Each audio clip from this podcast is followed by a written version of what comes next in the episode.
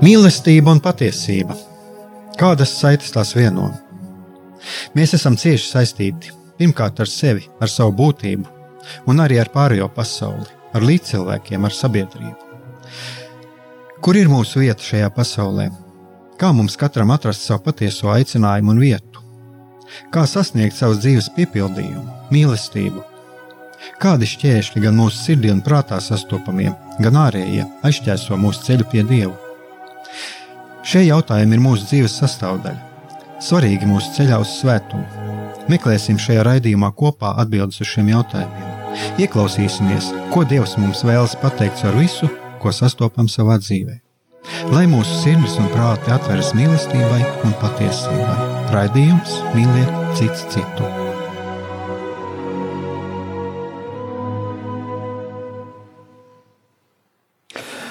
Lai top slavēts Jēzus Kristus, esiet sveicināti, darbie uh, radioklausītāji, un cerams, arī skatītāji. Cerams, tiešām, ka arī mūsu šīs YouTube streams uh, viss notiek normāli. Šis atkal ir tāds redzējums. Um, Mīliet citu citu. Studijā es esmu es Egars Brikmanis, un šodien mums ir viesis un viesis klāt, klātienē, un šeit uh, man ir no tādas uh, mājaslapa Latvijas Zinātņu akadēmijas vēstis par uh, mūsu viesi Vladislavs Volkovs.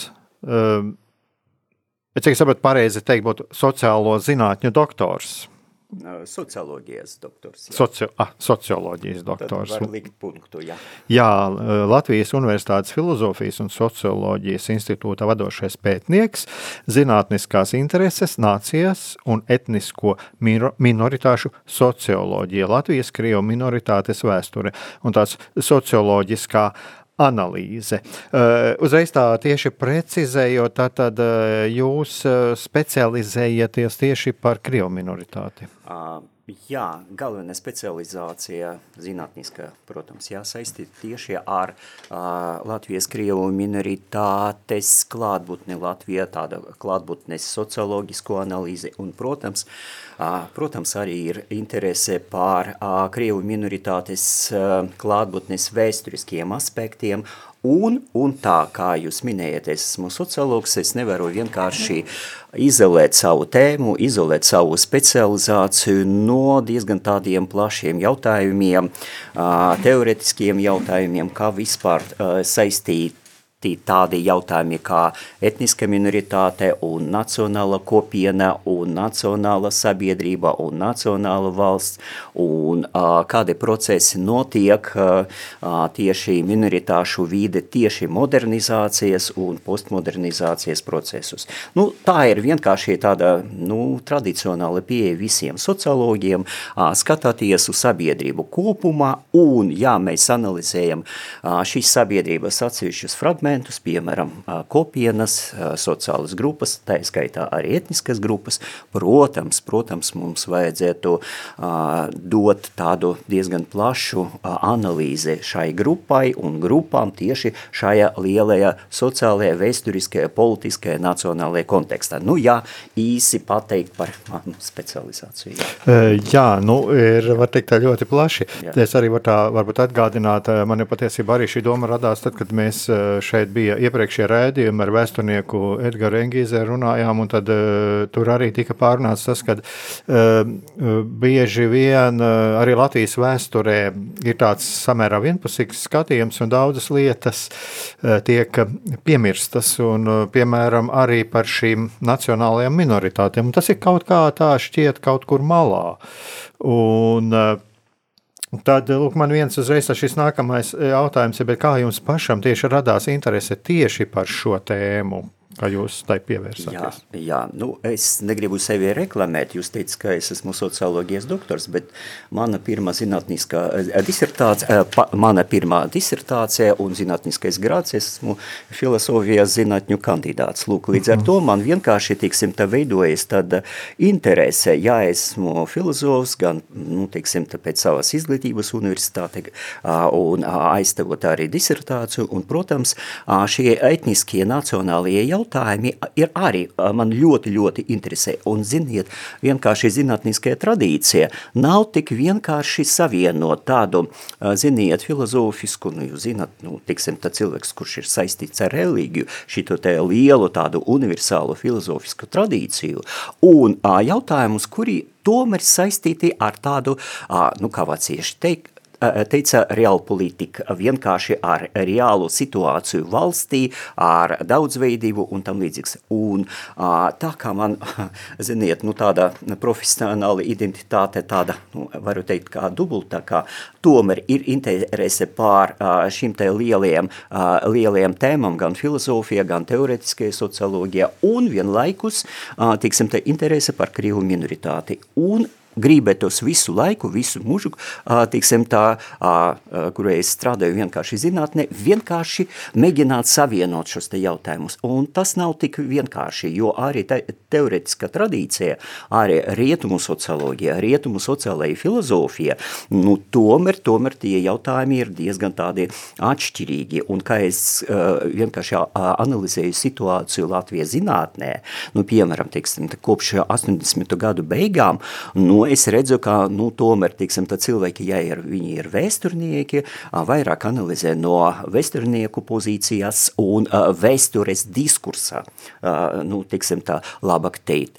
Politologi tomēr cenšas no politoloģijas šos jautājumus analizēt, bet, nu, kā es minēju, mana, man ir tāda plaša interese vienkārši. Un, kad es rakstīju grāmatu, mācību grāmatu socioloģijas teorijas, klasiskas tādas teorijas, man gribētos bija paskatāties, kā vienkārši šajā lielajā klasiskajā tradīcijā kopš 19. gadsimta sākuma tie teorētiķi, kuri faktiski interesējas par modernas sabiedrības galvenajiem tendencēm, šīm te niansēm, kā tie zinātnieki skatās vienkārši uz šo jautājumu nelielas etniskas grupas un kā šī etniskā daudzveidība tomēr saistīta ar nacionālo tādu integrāciju un tam līdzīgs. Vienkārši tādi teoretiskie jautājumi tomēr, tomēr, manuprāt, nu, man kā pētniekam ir, nu, tiksim, ļoti, ļoti svarīgi. Jā. -hmm. jā, man te uzreiz varētu rasties rezultāti ļoti daudz jautājumu, un, protams, ka viņi ir, un, un es arī tāpēc es kādreiz arī tā aicinu arī uh, klausītājus pašiem sev uzdot jautājumus par par dažādām lietām, par ko šeit raidījumā runāju.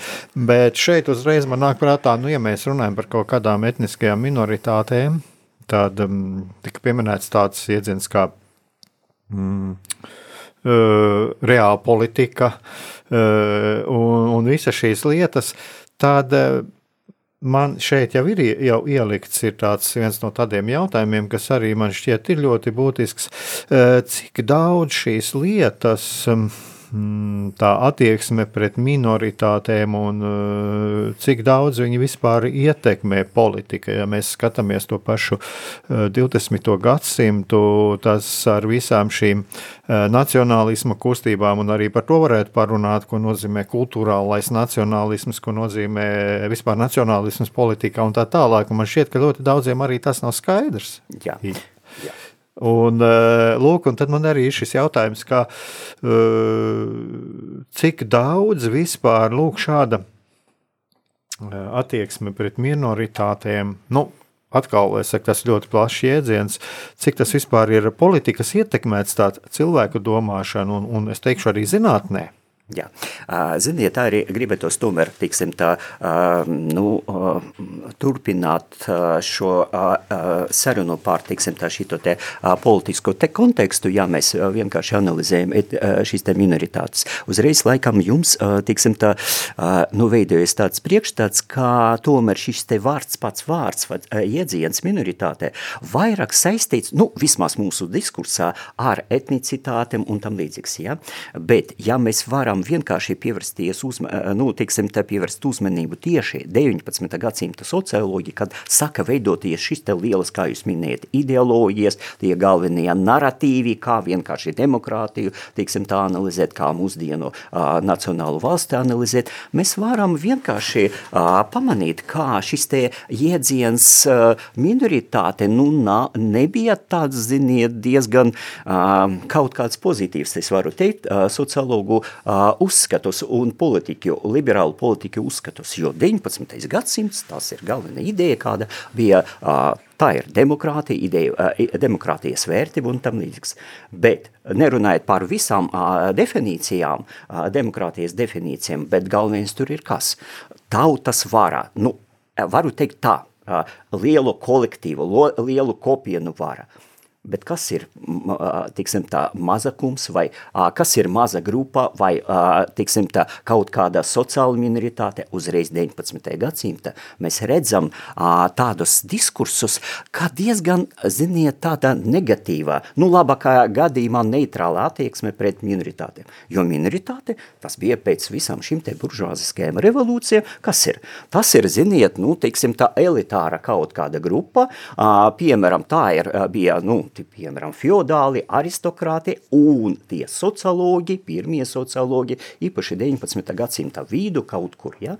Nu, vienkārši, teiksim, tā jāizmantojuši vārdu minoritāte, nu, tā ir, šis te iedziens bija saistīts tieši ar šīm te elitārējām grupām, kuras faktiski palika mūsdienu sabiedrībā no iepriekšējas tradicionālas sabiedrības vai, teiksim, tā šis te aristokrātiskas iekārtas un tam līdzīgs. Lūk, līdz ar to vienkārši akcentēt, kā mums vajadzētu, nu, ne tikai sociologiem, bet vienkārši sabiedrībai, ievērot, respektēt šo mazakuma intereses, sociāla mazakuma intereses, nu, ziniet, nu, nebija, ziniet, populāri, nebija moderni un tam līdzīgs. Vienkārši galvenas tādas tie, tiesības, pilsoniskas tiesības, nacionālas tiesības, bez izņēmumā, vajadzētu vienkārši piešķirt visiem, ja, un nerunāt par šim te, ziniet, kā viens sociologs teica, Marks, starp citu, ja, šim te nišam, piemēram, sabiedrība, ja, lūk, tā bija tāda attieksme,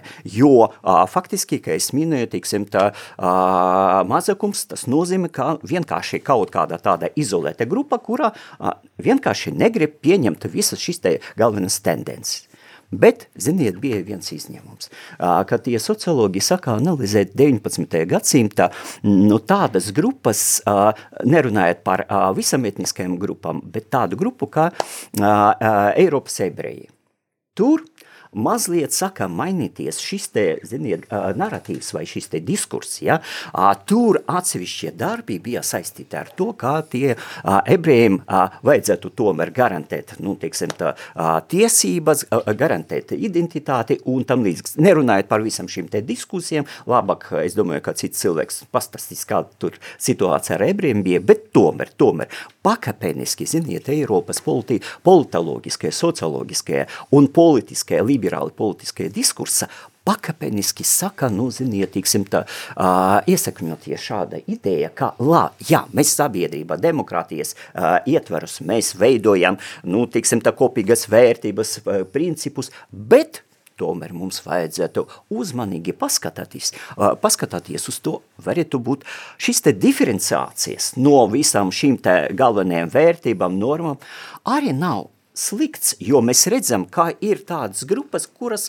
tiešām cieši notiksim tā sabiedrības, ziniet, spiediena, īpaši Mīls par to rakstīja, jā, 19. gadsimta izcils teoretikas liberalisma, kā tomēr mums vajadzētu tur ierobežot, nu, visu šis te masas, lielas masas, ietekme, varu un tam līdzīgs.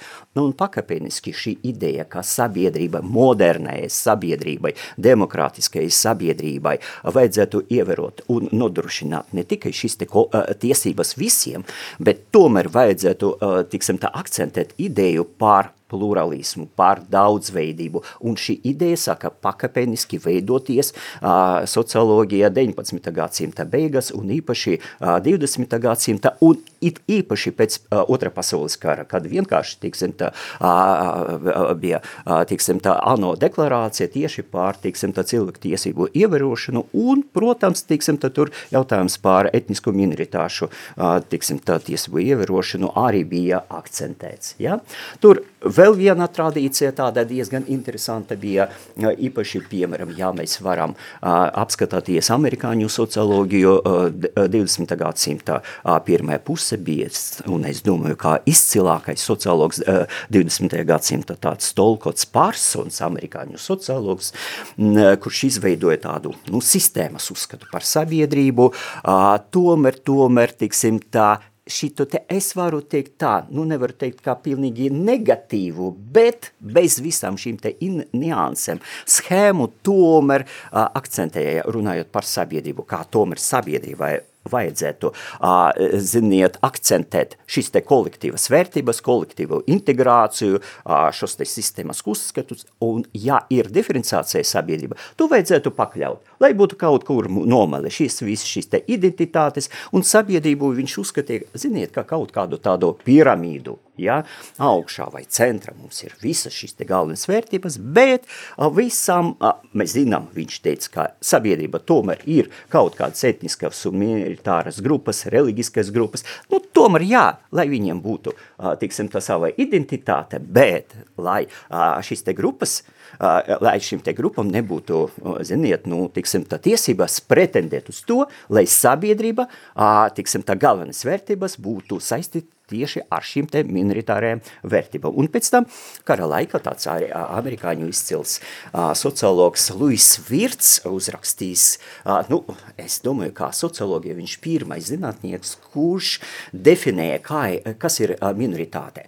Tur gan sociāla minoritāte un arī etniska minoritāte. Tas ir runa par uh, kuru laiku? Uh, Tas ir otrais pasaules karš, ja, otra pasaules kara laikā, un faktiski šajā periodā viņš definēja, kā minoritātes, un tā ieskaitā arī etniskas minoritātes, ir subordinētas, es atvainojos, tas ir viņa vienkārši diskurs, subordinētas, diskriminētas grupas, kuras faktiski, nu, vienkārši atrodas ar pus, nu, tiksim, tā šis sabiedrības galvenajām grupām, tendencēm un tam līdzīgs. Un, protams, protams, Uh, visas šīs nelaimes, kuras, tiksim, ne tikai Eiropas tautas, bet arī Azijas tautas pārdzīvoja otrā pasaules karā ar visiem tiem genocīdiem, ar holokostu un tam līdzīgs. Protams, pēc otrā pasaules kara, manuprāt, tomēr, tomēr mainīja, radikāli mainīja, nu vismaz teoretiskajā un tāda plaša liberāli uh, politiskajā līmeņa tādu attieksmē pret šīm minoritārajām grupām un tam līdzīgs. Un, kā es minēju, ANO deklarācija uh, uh, par uh, cilvēku tiesībām vienkārši iekļāva uh, tiesības uz savu etnisko identitāti ne tikai pamatnācijai, bet visām šīm te grupām, kuras atšķiras no pamatnācijas. Ja? Tas ir uh, cilvēktiesību, viena no cilvēktiesībām universālajām. Un pēc tam, protams, mēs redzam vienkārši šito te tendenci, uh, arī Eiropas likumdošana un arī, protams, ļoti interesants tas, bet nu, laikam mums laika nebūs, arī, tiksim, tā pasaules socioloģija un filozofija, sociālajā filozofija. Ja? Bet šo aspektu tomēr man gribētu kā nu, tādu, tādu pirmo secinājumu. Tomēr pēc otrā pasaules kara šī interese kāpēc aktuālis? Tāpēc, ka mūsdienu sabiedrību mēs nevaram iedomāties bez, šī, bez šīs daudzveidības vienkārši. Ja? Un daudzveidība, tas ir normāli. Ja?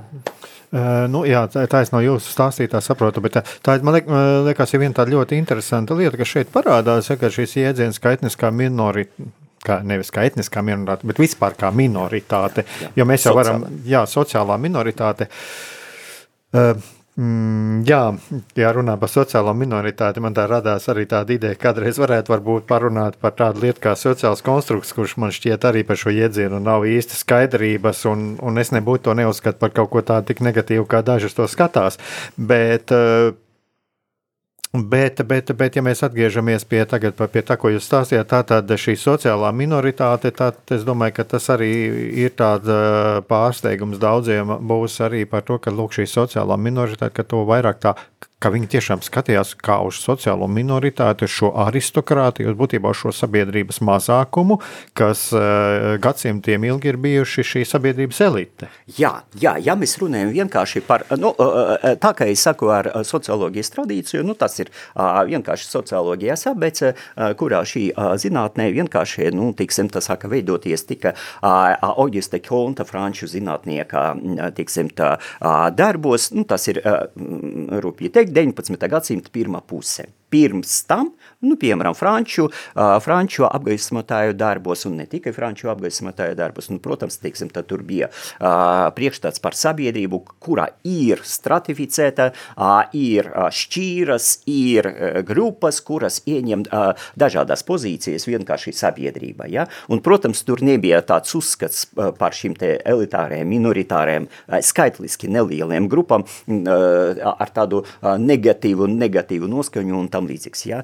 Protams, tas ir vienkārši 19. gadsimta tādas nu, diezgan radikālas teorijas vai tādā radikāla socialistiska, komunistiska kritika, kura bija vērsta pret kapitalistisko sabiedrību vai buržoasko pilsonisku sabiedrību. Tur šis te jautājums bija akcentēts. Bet tomēr, tomēr mēs redzam, ka nu, vienkārši jaunie laiki nu, pēc Franču revolūcijas, ja, kad šī ideja, kā tomēr demokrātiju vajadzētu ievest un akcentēt uh, vairākumā, uh, tiksim, tā, uh, tiesības. Uh, tas bija, uh, nu, tiksim, tā, franču apgaismotājiem ļoti uh, svarīgi, tas bija uh, kontam svarīgi, un pēc tam Starp citu, šī ideja bija ļu aktuāla, ļoti aktuāla tieši, tiksim, tā, kad sāka veidoties nācijas, Eiropas nācijas, nacionālas valstis, nāciju pavasaris tas saucamais, jā, kopš, tiksim, tā,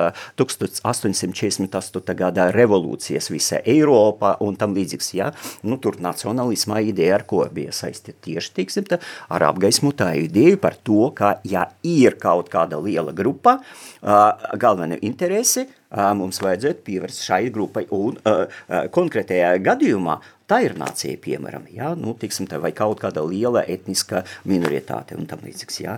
Lūk, bet, nu, tomēr, tiksim, tā, tas ir, jā, nevaru teikt kā cits stāsts, bet tomēr, tiksim, tā, par to atsevišķi vajadzētu runāt, jo faktiski, kad sāka veidoties šis te jaunas nācijas, ja?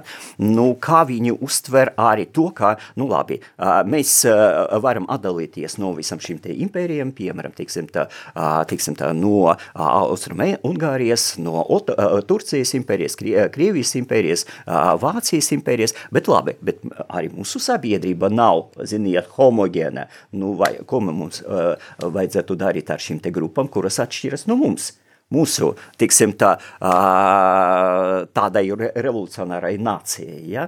Lūk, arī tur viņi, tiksim, tā šīs te jaunas nācijas atkārtoja to, ko darījuši, nu, piemēram, 18. gadsimta beigas šīs te revolucionāras grupas, piemēram, Franču revolūcijas laikā. Nu, lūk, tur ir nu, vesturnieki arī ļoti interesanti var pastāstīt par to, kā, nu, teiksim, tā, jā. Mhm. Jā, tāds eh, tiešām plašs tēma, un, un Jā. es domāju, ka par to varētu Jā. vēl un vēl runāt. Bet tagad es domāju, tagad mēs ar, paņemsim kādu muzikālu pauzīti, un tad varēsim turpināt.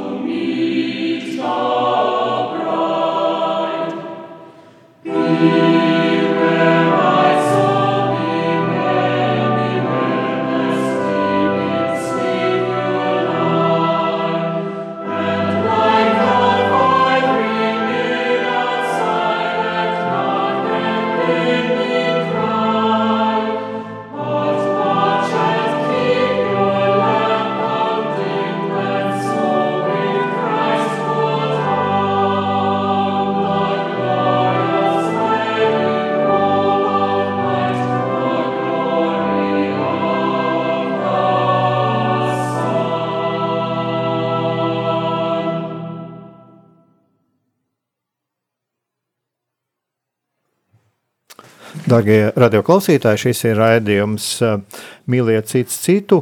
Un, uh, turpinām sarunu ar mūsu viesi Vladislavu Volkovu. Un, būtībā tā mēs runājam arī par šīs, pirms šīs muzikālās pauzes, par to, kā, kā mm, kā attīstījās šis jēdziens, minoritāte. Uh, Bet uh, es tur arī saskatīju vēl vienu lietu, kas ir nu, 19. gadsimta beigas, tas 20. gadsimta, 20. gadsimta sākums, kad arī nemaz tik vienkārši nebija. Nu, es kādreiz tā saku, ja nu, es šo laiku vismaz tā es pats to saucu par um, tādu sociālo grupu emancipācijas laiku.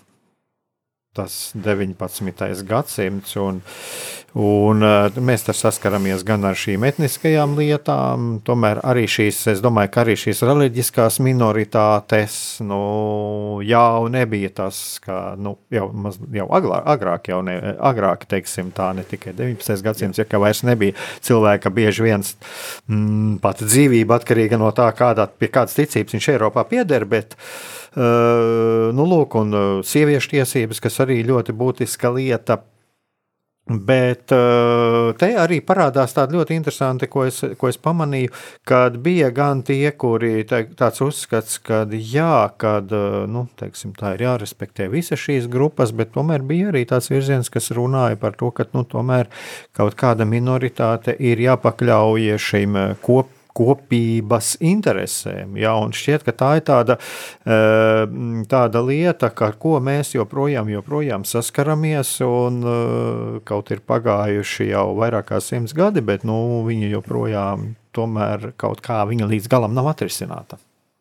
Eh, jā, es pilnīgi piekrītu, kā šis jautājums par attiecībām starp vairākumu Nu, teiksim, tā, ja mēs varam pieskarties mūsu tēmai starp nāciju vai uh, pamatiedzīvotājiem vai uh, teiksim, tā, pamatnāciju un uh, citām grupām ar citu uh, kulturālo, reliģisko un etnisko identitāti, uh, šis te jautājums nav atrisināts, protams. Ja? Uh, šis te jautājums ir uh, pacelts 19. gadsimta ļoti, ļoti uh, teiksim, tā, aktīvi, tieši teiksim, tā, runājot par visu sabiedrību. Uh, es vienkārši piemirsu vienu, uh, vienu lietu pateikt, kā jūs vienkārši man atgādinājāt par šīm te reliģiskajām grupām un tam līdz. Protams, protams, tas nāk arī, tiksim, tā, šī temātika par attiecībām starp, piemēram, protestantiem un katoļiem, piemēram, tiksim, tā, ja mēs runājam par situāciju Eiropā 17. 18. gadsimta, jā, bet, nu, šīs te jautājums arī svarīgs, jā, reliģiskais jautājums, bet, ja mēs runājam par socioloģiju, jā, šis te reliģiskais jautājums par reliģijas dažādību 19. gadsimta tomēr nebija tik aktuāls. Kāpēc? Tāpēc, ka jūs eh, pareizi atzīmējat, ka tas ir vienkārši, teiksim, tā, nu, mūsdienu sabiedrības veidošanā, atbrīvošanas un tam līdz. Un galvenais jautājums tomēr bija tā saucamais sociālais, es varu pasvitrot tāds, nu, šķīriskais jautājums. Attiecības starp vienkārši uzņēmējiem, biznesmeņiem, ja, kā 19. gadsimta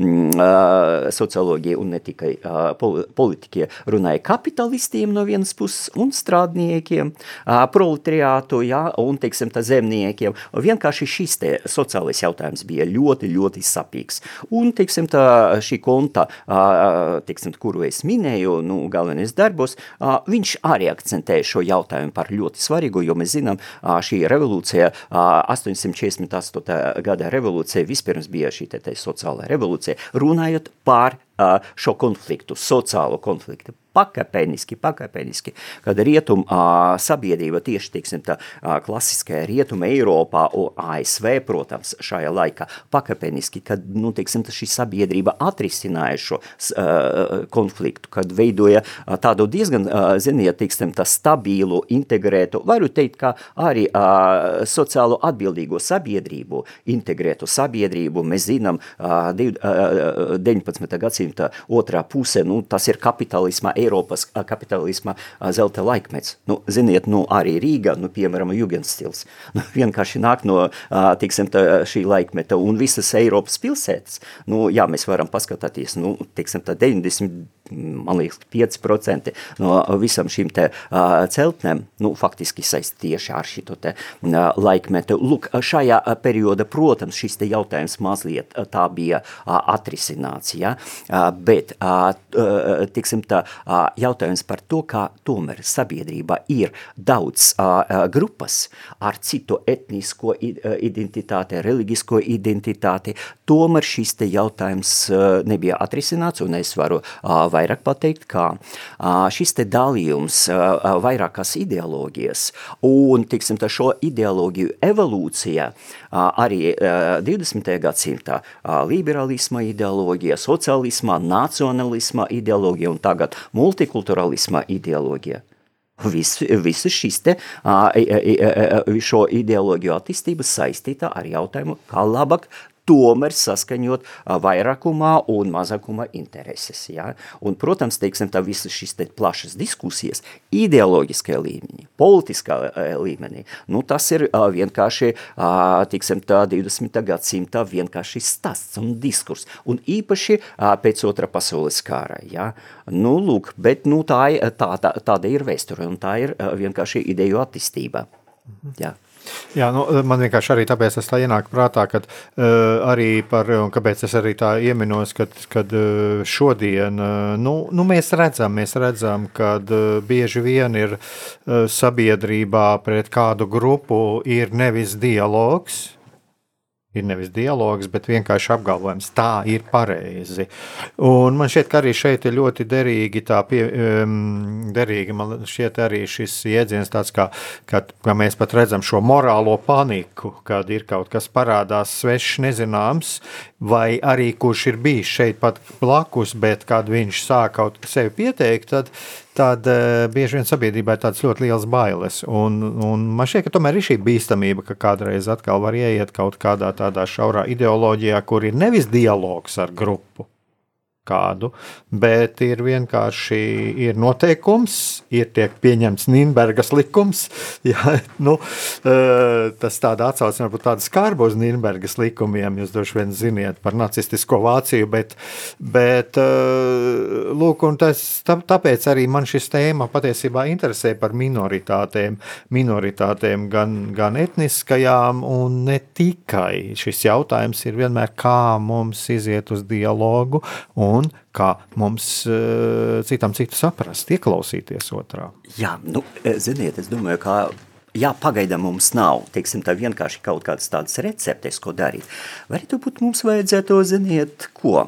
Atrast kaut kādu skolotāju, kaut kādu tādu domātāju, kurš var, nu, vismaz piedāvāt kaut kādu racionālu tādu izēju no šīs situācijas, vai vienkārši kaut kādu scenāriju un tam līdzīgs, ja?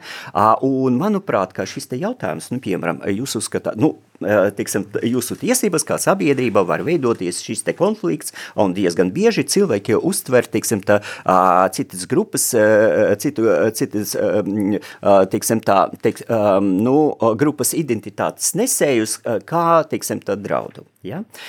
Bet man gribētu tomēr pievērst uzmanību arī, tiksim, tā, agrāk man teiktam, kā, tiksim, tā, pēc otrā pasaules kara šī, šī tiksim, tā, ANO deklarācija, deklarācija par cilvēku tiesībām bija pieņemta. Kādam tiesībām? Individuāliem tiesībām. Un galvenais jautājums, kā mēs varam, teiksim, tā analizēt, traktēt un saprast, ko nozīmē individuālas tiesības, ja šīs te tiesības realizē cilvēki, nu, teiksim, tā ar citu etnisko, reliģisku un, teiksim, tā citu sociālo identitāti. Ja?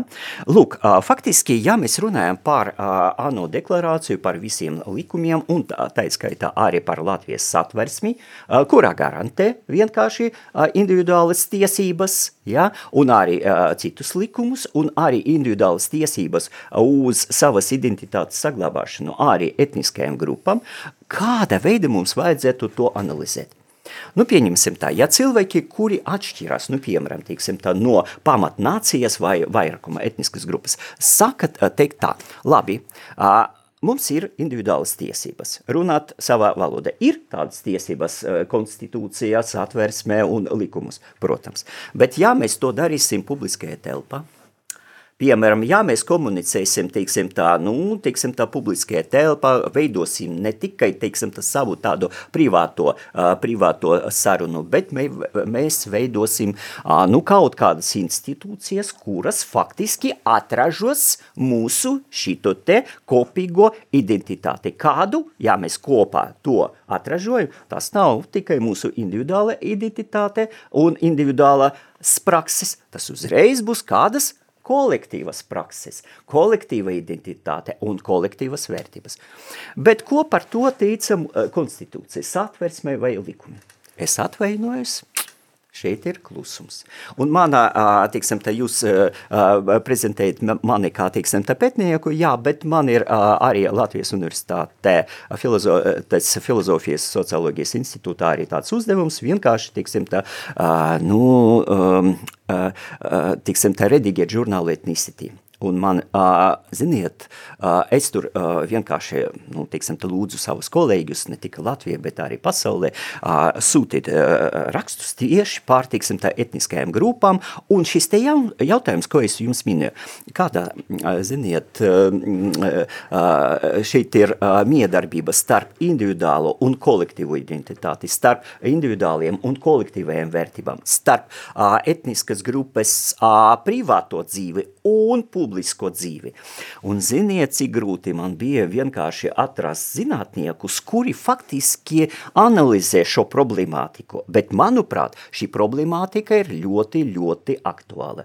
Jo, ziniet, manuprāt, tomēr tie strīdi, kurus mēs varam redzēt internetā, lasot, piemēram, tiksim tā, Delfu komentārus, nu, piemēram, latviešu komentārus un, tiksim, tā, krievu komentārus. Mēs redzam, kā faktiski šeit notiek, nu, nu, diezgan, nu, jūs zināt, ja, kas tur notiek, ja. Lūk, līdz ar to, manuprāt, šeit ir viens ļoti būtisks teoretisks jautājums, ja. Jā, individuāls tiesības uz savu identitāti, kura atšķirās no vairākumā identitātes, no uh, visas, uh, faktiski, uh, nu, tiksim tā, uh, nu, uh, nu, tiksim tā, nācijas identitātes. Uh, tomēr, ja ir šīs individuālas tiesības, bet ja cilvēki kopā realizē visas šīs prakses, individuālas vērtības, uzreiz veidojas sabiedrībā tādi fragmenti, veidojas nišas, ja, kuras tomēr, tiksim tā, atražo kolektīvu identitāti. Un, manuprāt, mūsdienu liberālisma ietvaros, liberālas ideoloģijas, esmu liberālas ideoloģijas piekritējs, ja, uh, Tomēr visas šīs diskusijas, kā atrisināt šos jautājumus, kur ir robeža starp publisko telpu un privāto telpu, ja? kur ir robeža un kur ir saistība starp individuālu un kolektīvu uh, identitāti, individuāliem un kolektīviem vērtībām, tas ir ārkārtīgi svarīgs, sarežģīts jautājums, un diemžēl ne visi zinātnieki šo jautājumu pacēlē, nu vienkārši kaut kāda veida diskutē un tam līdzīgs. Uh, Manuprāt, viens no galvenajiem tādiem nu, izcilākiem filozofiem un sociologiem mūsdienu uh, zinātnē rietumos, kurš faktiski šo jautājumu akcentē, ir tāds vācu zinātnieks Irgens Habermas. Ja? Uh, nu, lūk, man uh, neizdevās divu gadu atpakaļ, kad viņam palika 90 gadi organizēt šeit semināru, jo tieši viņa darbos šis te jautājums par saistību starp šito te klasisko liberālismu, kurš, tiksim, tā akcentē vairākuma tiesības uz, tiksim, tā liberālas tādas tiesības un, tiksim, tā šo minoritāšu grupu tiesības uz savu individualitāti, kā savienot visas šīs te lietas, lai nebūtu sabiedrība sašķelta, ja? viņa darbos nu, ļoti, ļoti interesantas idejas ir, diskusijas, kuras notiek starp viņa idejām un viņu un citiem zinātniekiem, tāds no Kanādas Vilskīmlikā arī, arī ieteicu ļoti, ļoti palasīt eh, šī zinātnieka darbus. Ja? Un vienkārši šī diskusija, kura notiek starp liberālismu un multikulturalismu. Ja? Manuprāt, ka tomēr, tiksim, tā, ja klausītāji vēlas vienkārši iedziļināties šajā problemātikā, tomēr tas būtu, manuprāt, kaut kāds, ziniet, tāds psiholoģiskais, ne tikai zinātniskais prieks, vienkārši, ziniet, palasīt šo literatūru, paskatāties, kādas tur idejas, un, nu, es domāju, ka, tiksim, tā tomēr tas uh, būs ļoti, ļoti, nu, tiksim, tā, ne tikai uh, laika pavadīšana, bet, nu, tiksim, tā, uh, personisks, nu, tiksim, tā attīstības, nu, kaut kāds tāds ceļš, jā. Jā, ļoti interesanti par šo uh, liberālismu, multikulturālismu, jā bet man, man ir, es esmu kādreiz arī šeit runājis, cik ļoti svarīgi ir patiesībā arī šis, teiksim, nosacīti dialogs starp mm, liberālismu un konservatīvismu. Un, uh, man šķiet, arī tāda ļoti liela, ļoti liela problēma šeit ir, ja, kur pēc būtības es saku, šie jēdzieni, tas pēc būtības viņš jau ir morāli neitrāls. Mēs jau, nu, tas cilvēks ir nonācis pie kaut kāda šī savas skatījuma uz lietām, jā, bet uh, morāla atbildība man šķiet sakās tā jā brīdī ar to, kā viņš, uh, kā viņš uh, izmanto šaus, šo savu skatījumu, vai viņš ir gatavs godīgi viņu mainīt, ja viņš redz, ka eh, nu, tas neatbilst tomēr patiesībai. Ja. Un eh, te atkal jāatgriežas pie tā, ko Jēzus teica, un jūs atzīsiet patiesību, un patiesību darīs jūs brīvs, un viss sabiedrība būs labāka.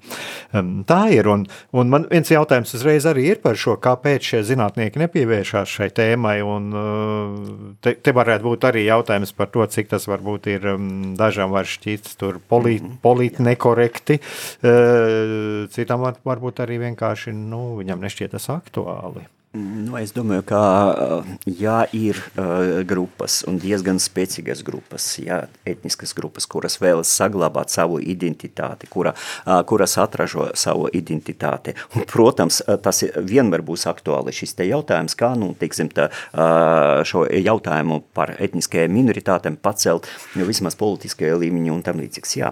Uh, nu, es varu teikt tā, nu, analizējot mūsdienu, teiksim, tā politisku diskursu un visas šīs diskusijas, kuras mums notiek vai nenotiek, kā labāk to tagad man izteikties, ja, tomēr, tiksim, te neitrālē es pateikt, varu pateikt, ka, jā, nu, uh, nu, tiksim, tā debāžu kaut kāda tāda situācija, ko mēs redzam, mm, jā, politiskajā līmenī mums nav tādas diskusijas, ja, bet, de, diemžēl, starp zinātniekiem mums arī nav lielas diskusijas, ja, nu, godīgi sakot, nu, tiksim, tā radio latviešu valodā, es esmu pirmo reizi, kad es vienkārši uzstājos latviešu auditorijā, ja, fakt faktiski es neredzu gan televīzija, gan avīzes. Ja?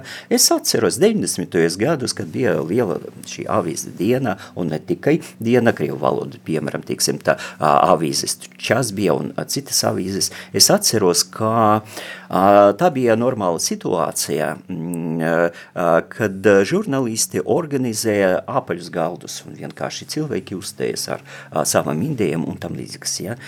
Bet, diemžēl, televīzija es nu, tādus, tādu formātu es ļoti, ļoti sen. Neesmu redzējis, neesmu pamanījis un tam līdzīgs. Bet tas ir svarīgs, jā, jo faktiski es domāju, ka jā, mēs varam nu, kritizēt politikus, tas ir normāli, bet, eh, godīgi sakot, vajadzētu vienkārši uh, uzmanīgāk paskatāties uz sabiedrību, uz pilsonisku sabiedrību, jā, kāda situācija mums, kāda situācija mums zinātnē, avīzes, piemēram, tiksim, tā, nu, komunikācija māsu mēdījus par šo te lietu, jā, nu, lūk, Bet, jā, tomēr es domāju, ka mums vajadzētu aktualizēt visas šīs diskus, diskusijas. Jā. Kāpēc es arī pieskāros šim polīt, polīt korektam? Nu, es domāju, jūs labāk zināt tur savas tās zinātnieku aprindas un tā tālāk. Jā. Ir šis jautājums par šo politiku, par šo politiku. Jo, piemēram, es esmu par dažu vēsturnieku darbus lasījis, ļoti labus Latvijas vēsturnieku darbus. Es pat nenosaukšu, ja kur ir atzīti zinām vēsturnieki, ja, bet kur sevišķi popularizēti nav Latvijā šeit, eh, bet eh, tāpēc, ka, nu, es domāju, ka eh, iespējams, ka viņš būs tāds pats objekts, uzbrukuma objekts, kā tagad mums ir mediķi daži Covid laikā. Un, un šķiet, ka te ir arī tāda viena lieta, uz ko jāpaskatās arī, cik daudz ir šī, nu, politikā, diemžēl politikā ir šīs personīgās intereses, to mēs arī redzam tagad, to mēs redzam arī kādreiz kā bija visas šīs lietas, kā šķietam, tur ģimenes aizstāvība un tā tālāk, ka patiesībā tur ir ļoti, ļoti pavisam šauras intereses politiskas. Ja? Un es domāju, ka tas ir arī šis etniskais jautājums. Diemžēl, diemžēl viņš tiek turēts padusē, lai atkal varētu vicināt kā tādu karodziņu. Un, un mēs redz, ļoti labi mēs redzam, to ir divi datumi, Es arī šeit esmu par to runājis. Ja, tas ir 16. mārciņa un 9. maija, kur nu, patiesībā arī kāds mm, tās saknes, kur viņas iet jau, cik dziļi un cik kā mēs vispār cenšamies, eh, kā kurš saprot vēsturi. Nu, es domāju, ka tās tāda, eh, jā, šis, eh, kad ir ļoti, ļoti daudz jāpievēršas tam un jādomā par to, kā, kādā veidā mums censties saprast citam citu. Ja, es pilnīgi piekrītu, kā teiksim, tā politiskajā līmeņa, politiskajā diskursā mums, tā, mums ir tāda situācija, jo atkal, ja mēs tiksim, tā akcentējam šo vārdu demokrātija un politiskajā demokrātija, mēs zinām, kā demokrātijas var būt vienkārši dažādi ietīpie, un starp citu, rietumos ir ļoti populāra, un tā, vismaz tāds iedziens un vienkārši tāda, nu, ziniet, tendence uz deliberatīvu demokrātiju, kad vienkārši, tiksim, tā diskusijas veidā, nu, tiksim, tā cilvēki vēlas, nu, tiksim, tā šīs te kopīgas vērtības akcentēt, un pēc tam sekot, īstenot šīs vērtības un tam līdzīgs. Arī, godīgi sakot, es nepamanīju, vai, teiksim, tā mūsu zinātnē ir zinātne, ne, nerunājot par politisko šito te līmeni, kā mums vajadzētu, nu, tomēr uh, Latvijas uh, kul, uh, politisko kultūru tomēr tuvināt tieši deliberatīvas demokrātijas modelim. Ja? Arī Habermas par to ļoti, ļoti daudz uh, rakstījis un tam līdzīgs. Uh, protams, uh, mainījies laiki, Ja? Arī rietumu socioloģija un politoloģija, nu, tiksim, tā, šī tēma par deliberatīvas demokrātijas tiksim, tā, vērtību arī nu, mazliet tā mazinājas kā vērtība. Ja? Bet tomēr, tomēr mūsu tiksim, tā, visas šīs idejas, kuras ir tādas liberālas idejas, kuras ir tiksim, tā, politiskajā apziņa, tomēr mums ir visas tiesības nu, tiksim, tā, atjaunot un sākt diskutēt un tam līdzīgs. Ja? Lūk, tā es varu Mm -hmm. nu, jā, diemžēl, diemžēl mēs to politikā neredzam, jo nu, vismaz jā. cik es to redzu, tas ir vairāk tomēr šīs, šīs šaurās intereses un tas cilvēks, ko viņš tur runā no tribīnas, tas kaut kā man izskatās vairāk, vairāk kā, nu, lai pievilinātu vēlēš, vēlēšanās nākamās balsis un tā tālāk. Protams, tas ir arī mans subjektīvais viedoklis un es negribu, ne, negribu tagad likt visus vienā maisā. Bet uh, man šķiet, ka šeit arī mēs tam pieskārāmies šim jautājumam, kas, ko es esmu saskatījis un reiz reizēm es runāju, kā ļoti aktīvi. Tas ir šis dialogu trūkums sabiedrībā, starp dažādām sabiedrības grupām. Jā, dialogu trūkums, eh, diskusijas nav vienkārši, tiksim tā, jā, pilnīgi piekrītu. Jā. jā, un uh, tagad mums jau raidījums jau tuvojas noslēgumam, ko jūs, uh, ko jūs vēlētos, tiešām tas ir tā, ka jūs esat šoreiz pirmo reizi uzaicināts tā latviešu auditorijai runāt uz radio. Jā, jā. Uh, nu, uh, varētu būt, ja jūs varat organizēt kaut kādu disputu, jā, tādu formātu vienkārši, tiksim tā. Cilvēki, zinātnieki diskutē par šīm lietām, piemēram, par nacionālu valstu, par minoritātēm, par šito te dialogu un tam līdzīgs. Nu, manuprāt, nu, tiksim tā, tas būs ļoti, ļoti vērtīgi. Jā.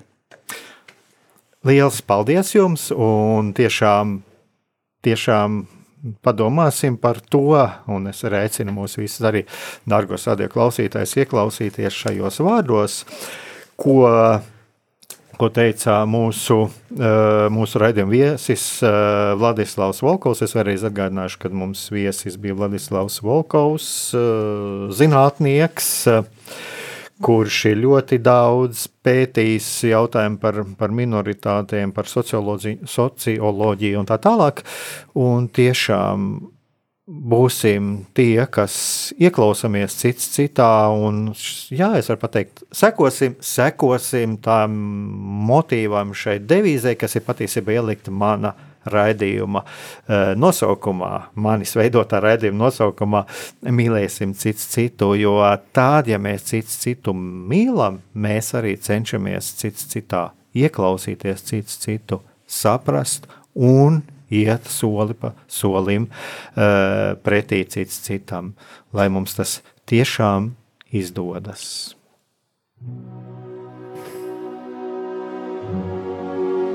Mīlestība un patiesība. Kādas saites tās vieno? Mēs esam cieši saistīti pirmkārt ar sevi, ar savu būtību, un arī ar pārējo pasauli, ar līdzcilvēkiem, ar sabiedrību. Kur ir mūsu vieta šajā pasaulē? Kā mums katram atrast savu patieso aicinājumu un vietu? Kā sasniegt savas dzīves piepildījumu, mīlestību? Kādi šķēršļi gan mūsu sirdī un prātā sastopamie, gan ārējie aizķēso mūsu ceļu pie Dieva? Šie jautājumi ir mūsu dzīves sastāvdaļa, svarīgi mūsu ceļā uz svētumu. Meklēsim šajā raidījumā kopā atbildes uz šiem jautājumiem. Ieklausīsimies, ko Dievs mums vēlas pateikt ar visu, ko sastopam savā dzīvē. Lai mūsu sirds un prāti atveras mīlestībai un patiesībai, raidījums mīliet citu citu.